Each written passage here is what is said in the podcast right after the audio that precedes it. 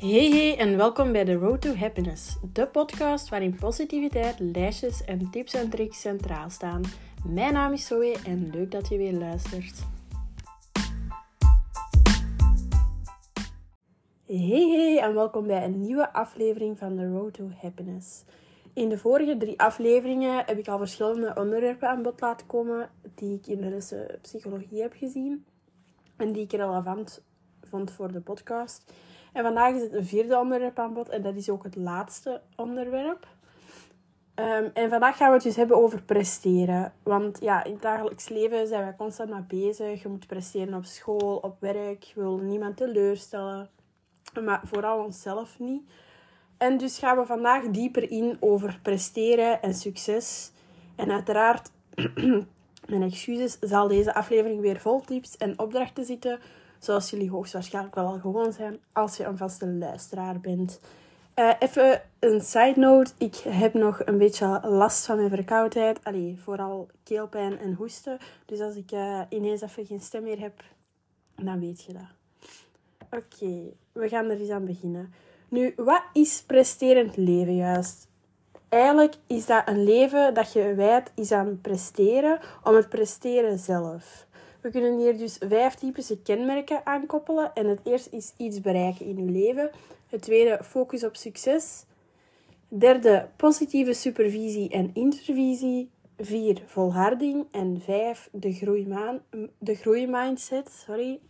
Maar daar gaan we nog verder in, uh, in de aflevering zelf. Ik heb ook nog drie vraagjes uh, voor u dat je over kunt nadenken. Maar het gaat uh, heel vlotjes vandaag. Uh, maar die vraagjes zijn, wat is succes? Dat is dan eigenlijk, wat vind jij dat succes is? Wat is presteren? En waarin wilt jij succesvol zijn? Want ik denk dat dat zeer belangrijk is. Als je iets wilt bereiken, of als je een droom hebt, dat je dan ook wel goed weet wa waarin en waarom ook wel een beetje. En we gaan over naar de opdrachtjes. En de eerste twee opdrachten zijn eigenlijk vooral gericht op uh, succes. En opdracht 1 is eigenlijk doe vijf dingen voor succes. Dus die vijf dingen zijn... Het eerste is uh, vind een doel en benoem concrete subdoelen. Dus het is belangrijk dat je niet zomaar een doel gaat stellen en daarbij blijft. Het is belangrijk, en ik denk dat ik dat eens in een aflevering heb verteld, dat je een doel um, stelt en dat je dat ook concreet gaat maken. Dus stel um, een voorbeeld, je wilt graag gaan fitnessen. Oké, ja, Fitness is het doel. Maar hoe vaak gaat je dat doen? Wat wilt je doen in de fitness? Um, wat wilt je bereiken? Hoe ga je dat doen of hoe ga je dat inplannen? Zo op die manier. Dus dat je niet gewoon één doel stelt, maar dat je dat echt opdeelt in verschillende doelen. Dat is heel belangrijk om dat haalbaar te maken ook. Het tweede, betrek vrienden, familie en collega's bij je doel. Omdat, dat is belangrijk omdat dat u qua motivatie ook soms kan helpen omdat je misschien zo soms dagen hebt dat je wil opgeven. En ik zal bij het voorbeeld dat fitnessen blijven. Misschien dat je mijn vriendin of zo, of mijn vriend, naar de fitness kunt gaan. Omdat je dan zo die steun hebt en die motivatie. En als zij weten van je doelen of van je doel, dan gaan je proberen helpen en motiveren. En ik denk dat dat zeer belangrijk is om niet te willen opgeven en om echt door te zetten. En een derde stel je de positieve gevolgen van het bereiken van je doel voor. Dus stel je hebt dat doel, je wilt naar de fitness gaan en je wilt heel graag meer spiermassa creëren of uh, gewoon meer conditie creëren. Ga je dan eigenlijk voorstellen hoe dat je je zou voelen als je dat doel hebt bereikt en hoe je dat proces zou ervaren hebben. Dus het is belangrijk dat je ook naar de toekomst een beetje kijkt van als ik dat bereikt heb, hoe ga ik me dan voelen en ga ik dat dan blijven verder stellen, verder zetten. Dus ja, gewoon een beetje positieve mindset. Het vierde, beloon jezelf bij het bereiken van een subdoel en bepaal ook vooraf hoe dat je dat gaat doen. Dus stel, je bent de eerste week en je wilt drie keer of vier keer naar de fitness gaan en je hebt dat gedaan, dan want dat, het gaat dan over je subdoel. Dus ik weet natuurlijk niet welke subdoelen dat je gaat zetten. Maar als je al een van die subdoelen hebt bereikt, dus die drie keer of vier keer naar de fitness gaan in de week, kunt je jezelf wel een beloning geven van dat je dan ja, ik uh, ben er maar aan het denken, mocht gaan eten met vriendinnen of zo. Ik weet het niet. Maar gewoon iets dat je naar kunt uitkijken en dat je een beetje motiveert. En vijf, noteer je vorderingen zo concreet mogelijk. Ja, ik denk dat daar... Ja, vorderingen... Het is gewoon... Dat als je iets wilt bereiken... Allee, dat je dat elke keer wel zo concreet mogelijk schrijft. Ja, spreekt wel een beetje voor zich eigenlijk. Het klinkt heel vaag, maar ik denk dat jullie het wel begrijpen. Of dat hoop ik toch alleszins. Oké, en de tweede opdracht. Zoek naar eerdere successen in je leven en hoe dat jij omgegaan bent met moeilijke situaties. Dus ja, ga denken, hoe lukte u dat? Dat je vroeger een bepaald doel hebt bereikt. Dat je nu denkt van, hoe heb ik dat dan vroeger gedaan? Hoe deed ik dat precies? En hoe kwam ik dan op dat idee dat ik dat wou doen? En ook welke talenten en je sterke kanten en hulpbronnen en zo heb jij toen gebruikt om dat doel te bereiken eigenlijk. En van alles wat, je, wat ik net heb gezegd, dus die talenten en wat je toen hebt gedaan en dergelijke, wat daarvan zou je nu opnieuw kunnen gebruiken in je huidige situatie? Dus als jij een jaar geleden ook naar de fitness ging en dat ging kijken hoe, wat heb je toen gedaan en welke sterke kanten van jezelf heb jij gebruikt en denk je dat nu ook zinvol zouden kunnen zijn om je nieuwe doel eigenlijk te bereiken. Het is ook belangrijk dat je veel aandacht geeft aan wat er goed gaat en succesvol is, want dat is 80% al van de dingen. Maar probeer je ook niet te veel te focussen op de fouten. Dat mag, maar doe dat. Je hebt de, de 80-20 methode. Dus 80% echt op het succesvolle, maar 20% mocht ook wel op het mindere. Maar probeer die mindere dingen dan ook wel als iets leerrijk mee te nemen. En blijf niet met de pakken zitten en daar op focussen van, ah, maar dat is niet goed gedaan en dat is niet goed gedaan. Probeer echt gewoon naar het, naar te kijken naar wat wel goed ging. En gebruik het slechte als een leerproces. Oké, dat waren de opdrachtjes rond succes. En nu gaan we over naar de meer doe-opdrachten rond succes, maar vooral gericht op jezelf. De eerste opdracht is: maak een positief zelfportret.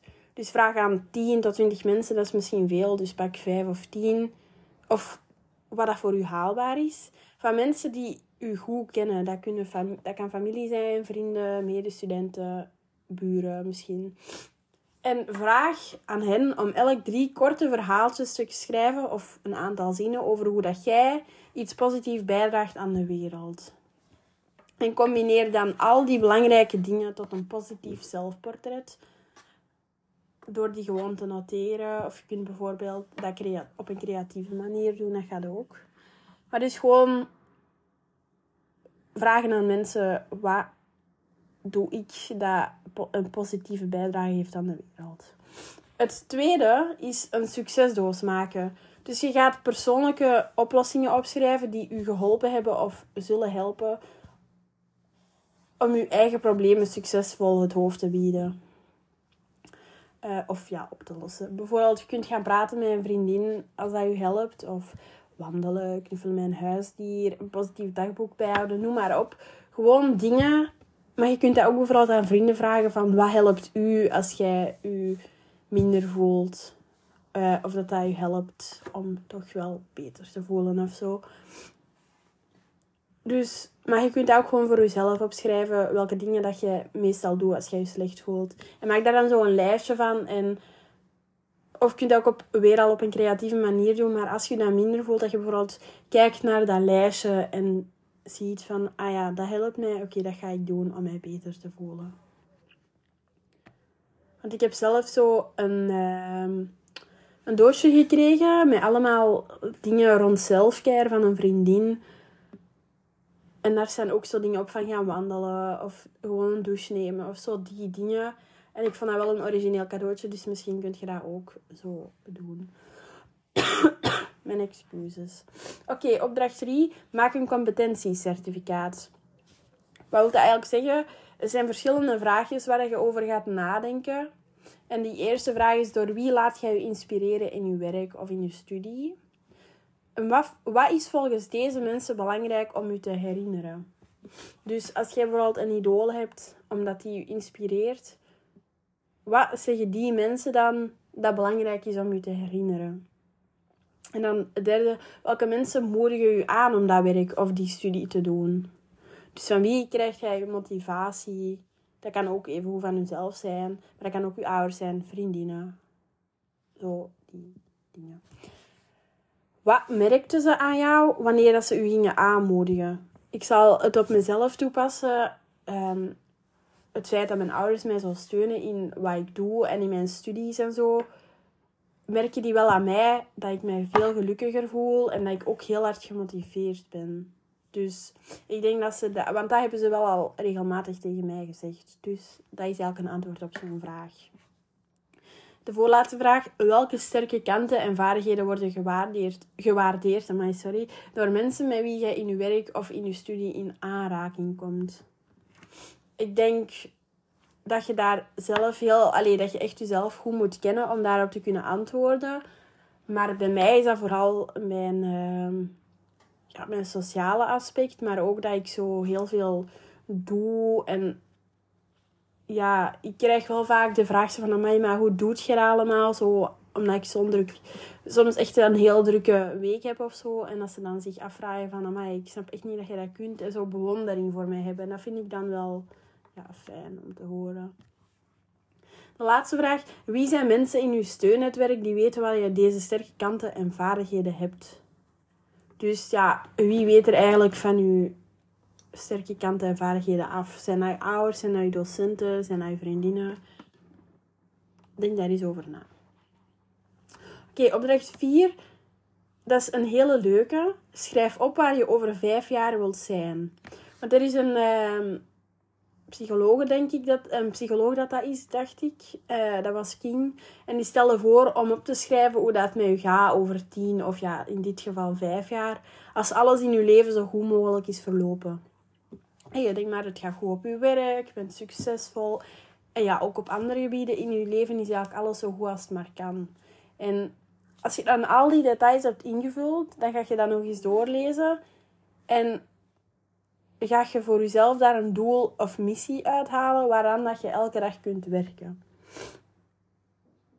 Dus eigenlijk komt het op, op neer dat je ja, inbeelden hoe je er over vijf jaar voor staat in het leven. En je wilt natuurlijk over vijf jaar kunnen zeggen van, ah ja, ik heb dat bereikt. Dus dan gaat je goed nadenken van, wat kan ik daar uithalen dat, waar ik elke dag aan kan werken. Ik hoop dat jullie het een beetje snappen. Um, dus je gaat dan eigenlijk een, een vijfjarenplan maken om ervoor te zorgen dat die missie gaat lukken. Dus je gaat een groot blad papier nemen. Je gaat op de verticale as je doelen neerzetten met betrekking tot je werk, privéleven, relaties, geld, etc. En op de horizontale as ga je um, ja, de tijd opschrijven. Met helemaal rechts vijf jaar vanaf nu. En dan terug vier jaar, drie jaar, twee jaar, één jaar en zes maanden. Zo iedere keer. Ik kan u niet tonen, dus het klinkt misschien moeilijk of zo. Maar allee, jullie weten dat je mij altijd moet sturen. En dan ga je dat papier verdelen in vakken en begin aan het einde. Dus schrijf in de meest rechtse vakken waar je over vijf jaar wilt zijn wat betreft je doelen. Amen. En wanneer je daar over vijf jaar wilt zijn, hoe ver moet je dan eigenlijk over drie jaar zijn en wat moet je dan bereikt hebben? En dan ook over twee jaar, één jaar en zes maanden. En waarmee kun je dan nu al beginnen? Dus jij hebt een bepaald doel dat je over vijf jaar wilt bereiken. Stel, je wilt bijvoorbeeld een boek schrijven. Je wilt dat over vijf jaar zeker uh, gerealiseerd hebben. Dan ga je eigenlijk zien van, ah ja, maar over drie jaar moet ik dat, dat bereikt hebben. En over twee jaar moet ik dat bereikt hebben. Op een, op, over een jaar moet ik dat al bereikt hebben. En over zes maanden dat. Zo heb je een beetje een dat is een lange termijn doel, maar je kunt dat wel opdelen in stappen en dat gaat u misschien meer motiveren om dat doel effectief te bereiken. Dus ik hoop dat het een beetje duidelijk is. Dan opdracht 5. vraag of denk na over een sprankelend moment. Dus je gaat terugdenken aan een recent moment, of niet, ja, niet per se een moment, maar gewoon aan een moment op je werk waarop dat je op je best was. Noemen ze een sprankelend moment. En je gaat dat moment kort beschrijven. En dan ga ik ook je afvragen van, wat precies maakte dat moment sprankelend? Wat was er dat dat zo goed was? En waarover bent jij dan het meeste tevreden? Wat zouden anderen op dat moment aan u gezien hebben als, als ze dat opgemerkt hadden? En wanneer dat die kwaliteiten nog een grotere rol zouden spelen in uw leven, wie zou dat dan als eerste merken? Wat gaan die zien en welke verschil? En welk verschil zal dat maken? Dus tegenover als je nu een moment zou hebben, een sprankelend moment, wie zou dat dan het eerste merken? Amai zeg. Oké, opdracht 6. Vier uw successen. Hij is al daarnet een beetje terug aan bod gekomen. Um, maar oplossingsgerichte professionals die beginnen bij het eind door cliënten bij de start van het contact te vragen hoe dat, hoe dat ze hun doel dat ze bereikt hebben gaan vieren. Denk maar aan hoe dat jij je examens, het einde van je examens gaat vieren of als je diploma hebt. Wie wilt je dan uitnodigen? Wat wilt je als hapjes en drankjes serveren? Op welke locatie? En ook wie wilt je bedanken voor de hulp bij het behalen van je doel? Dus dat is eigenlijk een beetje zo, ja, je successen vieren, zoals de opdracht zelf zegt.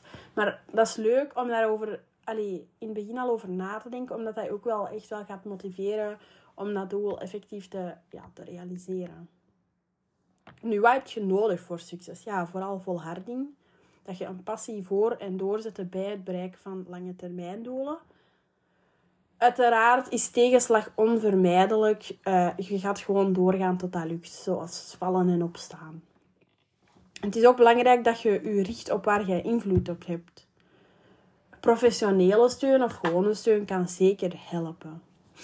En zoals ik al zei, de groeimindset, dat is eigenlijk het geloof in de ontwikkelbaarheid van capaciteiten, focus op proces van beter worden, dus vooruitgang. En dat is zo een typisch gezegde dat ik echt al heel vaak in boeken heb gelezen, maar dat is wel echt. Wat mensen geloven bepaalt in belangrijke mate wat ze doen. Dus als jij echt gelooft dat je dat kunt bereiken, dan gaat dat ook lukken. Je moet... Ja, dat is net zoals dat je als je, een als je negatief denkt, dan gaat alles ook negatief uh, ja, uitkomen. Maar als jij met een positieve mindset naar de wereld kijkt, dan gaat wel alles positief worden. Dus dat is gewoon zo. Daar, daar kan ik niet meer uitleg over doen. Dat, ja, dat is gewoon zo.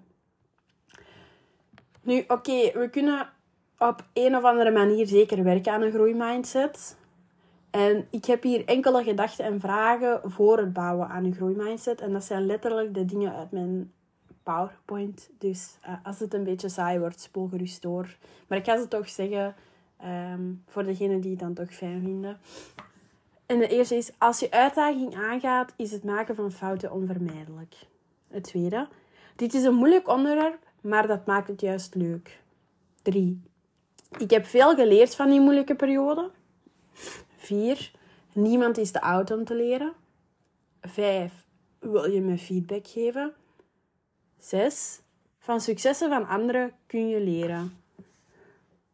7. Wat gaat er goed en hoeft niet te veranderen?